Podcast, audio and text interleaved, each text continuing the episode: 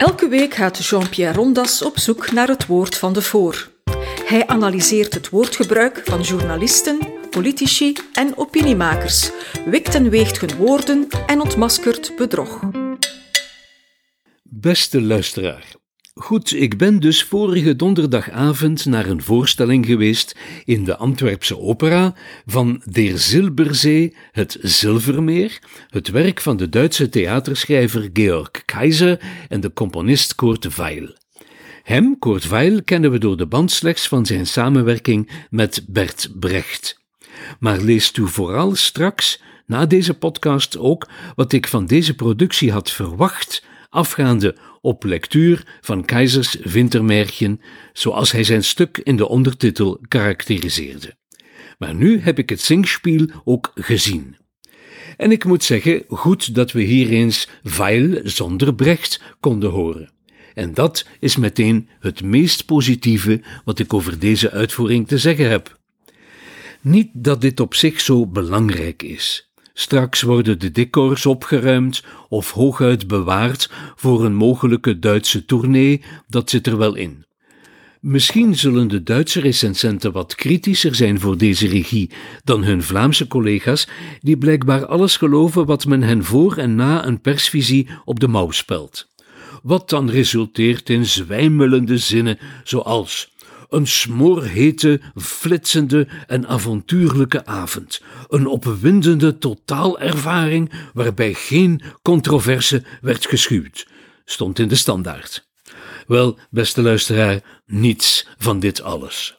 Na afloop kon ik de handen maar niet op elkaar krijgen. Deze regie is slechts flamboyant, waren ze noodgedwongen door de muziekpartituur, de originele bedoelingen van Weil en Keizer wel moet volgen. En overal elders gaat ze op flamboyante wijze de mist in. Nogmaals, niet dat dit belangrijk is. Maar deze regie is wel een casus, een geval in het nieuwe paradigma dat zich overal opdringt, waar kunstenaars menen en verkondigen dat ze in het verzet staan tegen het vandaag reëel bestaande fascisme. We zouden het een woke-paradigma kunnen noemen, waaraan regisseur Erzaan Mondhaak samen met zijn librettist Thiel Briekleep ten prooi is gevallen. Dit bovenop de al decennia heersende overinterpretatielust, die opera's actualiseert en vervormt en verwringt tegen de bestaande tekst en tegen de gespeelde muziek in. En deze zilberzee leidt aan alle genoemde kwalen tegelijkertijd. Laten we eens kijken. Dan vatten we meteen alle elementen waaruit deze regie bestaat. Ten eerste heeft deze regisseur van een tekst die over de rol van utopie in de maatschappij gaat, een homo-opera gemaakt. Niet ik zeg dat, haast ik mij te zeggen. Hij zegt het zelf in de knak dan nog, en na afloop zeg ik het hem na: ja, dit was een homo-opera. In 1933 werd de rebelse rol van Severin gespeeld door de notoire bij het publiek bekendstaande communist Ernst Busch. In 2021, vandaag dus, werd deze rol gespeeld door een acteur die op opzettelijk chanetterige manier de homo uithangt. Daaraan alleen ziet men de verschuiving van de utopie van maatschappelijk links naar de huidige pseudo-linkse utopie van de gender deelidentiteiten die niet meer uit het nieuws weg zijn te slaan. Goed, de regisseur doet wat hij wil, maar hij ontwricht Keizers essentiële bedoeling tot iets, ja, tot iets actueels. Hij laat bijvoorbeeld Olim van in het begin van het stuk op Severin verliefd zijn, wat uiteindelijk de verzoening tussen beiden, waar de hele opera om draait, overbodig maakt. De regisseur ontwapent daarmee de linkspolitieke dimensie van Der Zilberzee hij saboteert zodoende de motor van de handeling en hij reduceert de hele zaak tot een identiteitskwestie of een genderkwestie. En dat ziet men ook aan het slot, waar hij Benny Olim in latex en officierspet en Severin in een alleraardigst roze pakje laat optreden als meester en slaaf dus. Even over het hoofd ziende dat in de utopie van Georg Keizers libretto er van meester-slaafverhoudingen uiteraard geen sprake meer kan zijn. Nu, om zijn homo-optie te rechtvaardigen, moet deze regisseur zelfs zijn bronnen vervalsen. Hij wil bijvoorbeeld Severin de gestalte laten aannemen van de christelijke homo-heilige bij uitstek, de heilige Sebastiaan, tijdens de middeleeuwen en de barok honderd keer op schilderijen uitgebeeld, terwijl Sebastiaan wellustig de pijlen in zijn naakte bast in ontvangst neemt. De regisseur of de dramaturg beweert foto's gezien te hebben van de uitvoeringen in 1933, waarin Severin in Sebastiaans houding aan een zuil vastgebonden staat. Welnu, deze foto ligt hier voor mij. En wat erop te zien is, dat kan ik u verzekeren, beste luisteraar, wat erop te zien is, stemt perfect overeen met wat in Keizers tekst staat. Severin heeft zich namelijk door zijn kameraden, die Borschen, aan een zuil in de kelder van het kasteel laten vastbinden. Zoals Odysseus dat deed om niet in verleiding gebracht te worden door de zingende sirenen, zo liet Severin zich ketenen om niet in verleiding gebracht te worden om zijn rivaal Olim met een mes om te brengen. In zijn begeleidend lied vergelijkt Severin zichzelf met Odysseus. Niks geen Sebastiaan. Valsheid niet in geschriften, maar in uitbeelding. Naast de homologering van de tekst is er ook, zo mogelijk nog belangrijker, de met veel bombarie aangekondigde actualisering van het stuk door middel van een metaverhaal waarin de Zilberzee is ingebed. Zo maakt de regie van Keizers toneelstuk een klassiek stuk in het stuk. Dit actuele metaverhaal speelt zich zogenaamd af in het jaar 2033, 100 jaar na Hitlers machtsovername, weet je wel. Daarin vragen de acteurs zich af wat ze aan de Zilberzee, die ze nu aan het spelen zijn, moeten wijzigen opdat ze niet aan de censuur ten offer zouden vallen. Het staat allemaal niet in het tekstboekje, maar de toeschouwers kunnen dit volgen meertalig in het Nederlands en het Engels. En het wordt snel duidelijk dat de regie het Antwerpen van vandaag, anno 2021, bedoelt en dat het 2033-spel een hypocriete boedel is om de provocatie wat te smoren.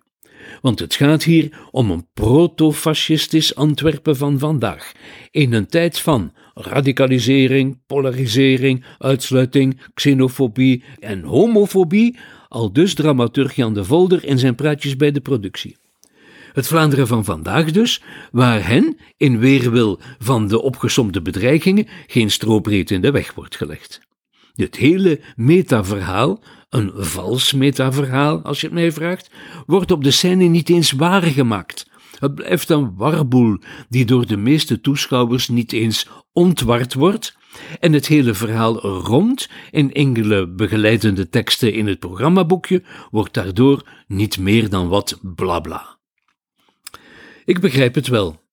Zoals ik al aangaf, wil de hedendaagse artiest, daartoe aangepord door de conventionele media, in het verzet gaan.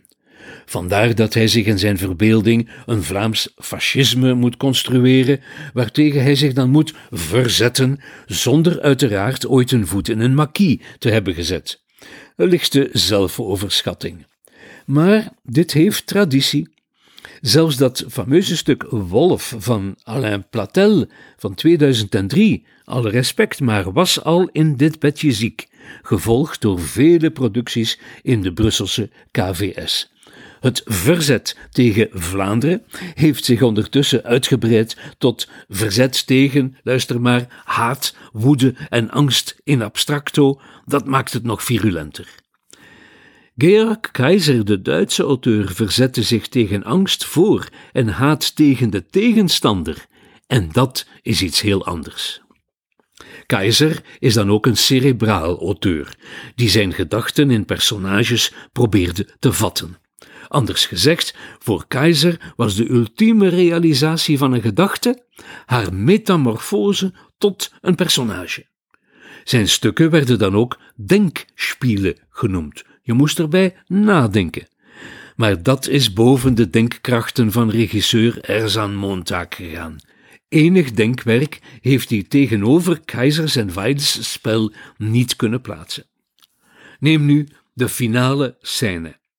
Severin en Olim wandelen hand in hand het zilvermeer in om er te sterven. Tenminste, dat is hun bedoeling, want die wordt gedwarsboomd door het dichtvriezende meer zelf. De regisseur is trouwens niet in staat om de beslissing van zijn helden aannemelijk te maken. En voor de rest doet hij met deze scène niets, terwijl Kurt Weils muziek hem als het ware toeroept: Doe hier iets mee. Want nu heeft hij zijn helden de ultieme homo-pakjes aangetrokken. Et alors? Wel, et alors niets. De leegte. Niet in staat om hier ook maar enige invulling aan te geven. Geen denkspiel aan de kant van de regisseur. En dus gaat alle energie naar het aankleden van de leegte.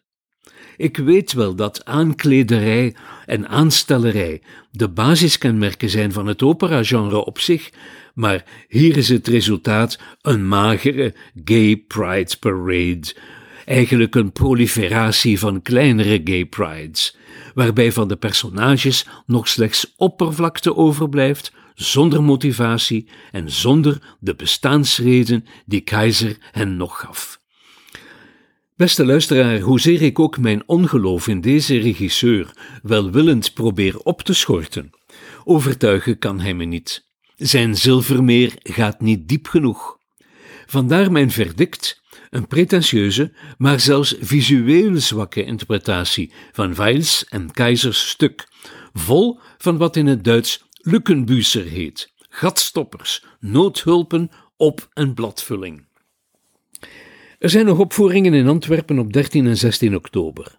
Met nog enkele repetities moet het mogelijk zijn alle toe- en opvulsels te schrappen en zeker de slotzijne te herzien. Van alle normaal uitgevoerde liederen, duetten, ballades, arias en melodrama's van Kurt blijf je af. Maar met schrapping van alle actualiseringen en metascènes spaar je zeker een uur uit, want drie uur doet aan de zingspiel geen deugd. En dan kunnen de mensen vroeger naar huis. Dit was een episode van Doorbraak Radio, de podcast van doorbraak.be. Volg onze podcast op doorbraak.be/slash radio of via Apple Podcasts, Overcast of Spotify. Bezoek ook onze website op doorbraak.be en steun ons door een vriend te worden van Doorbraak.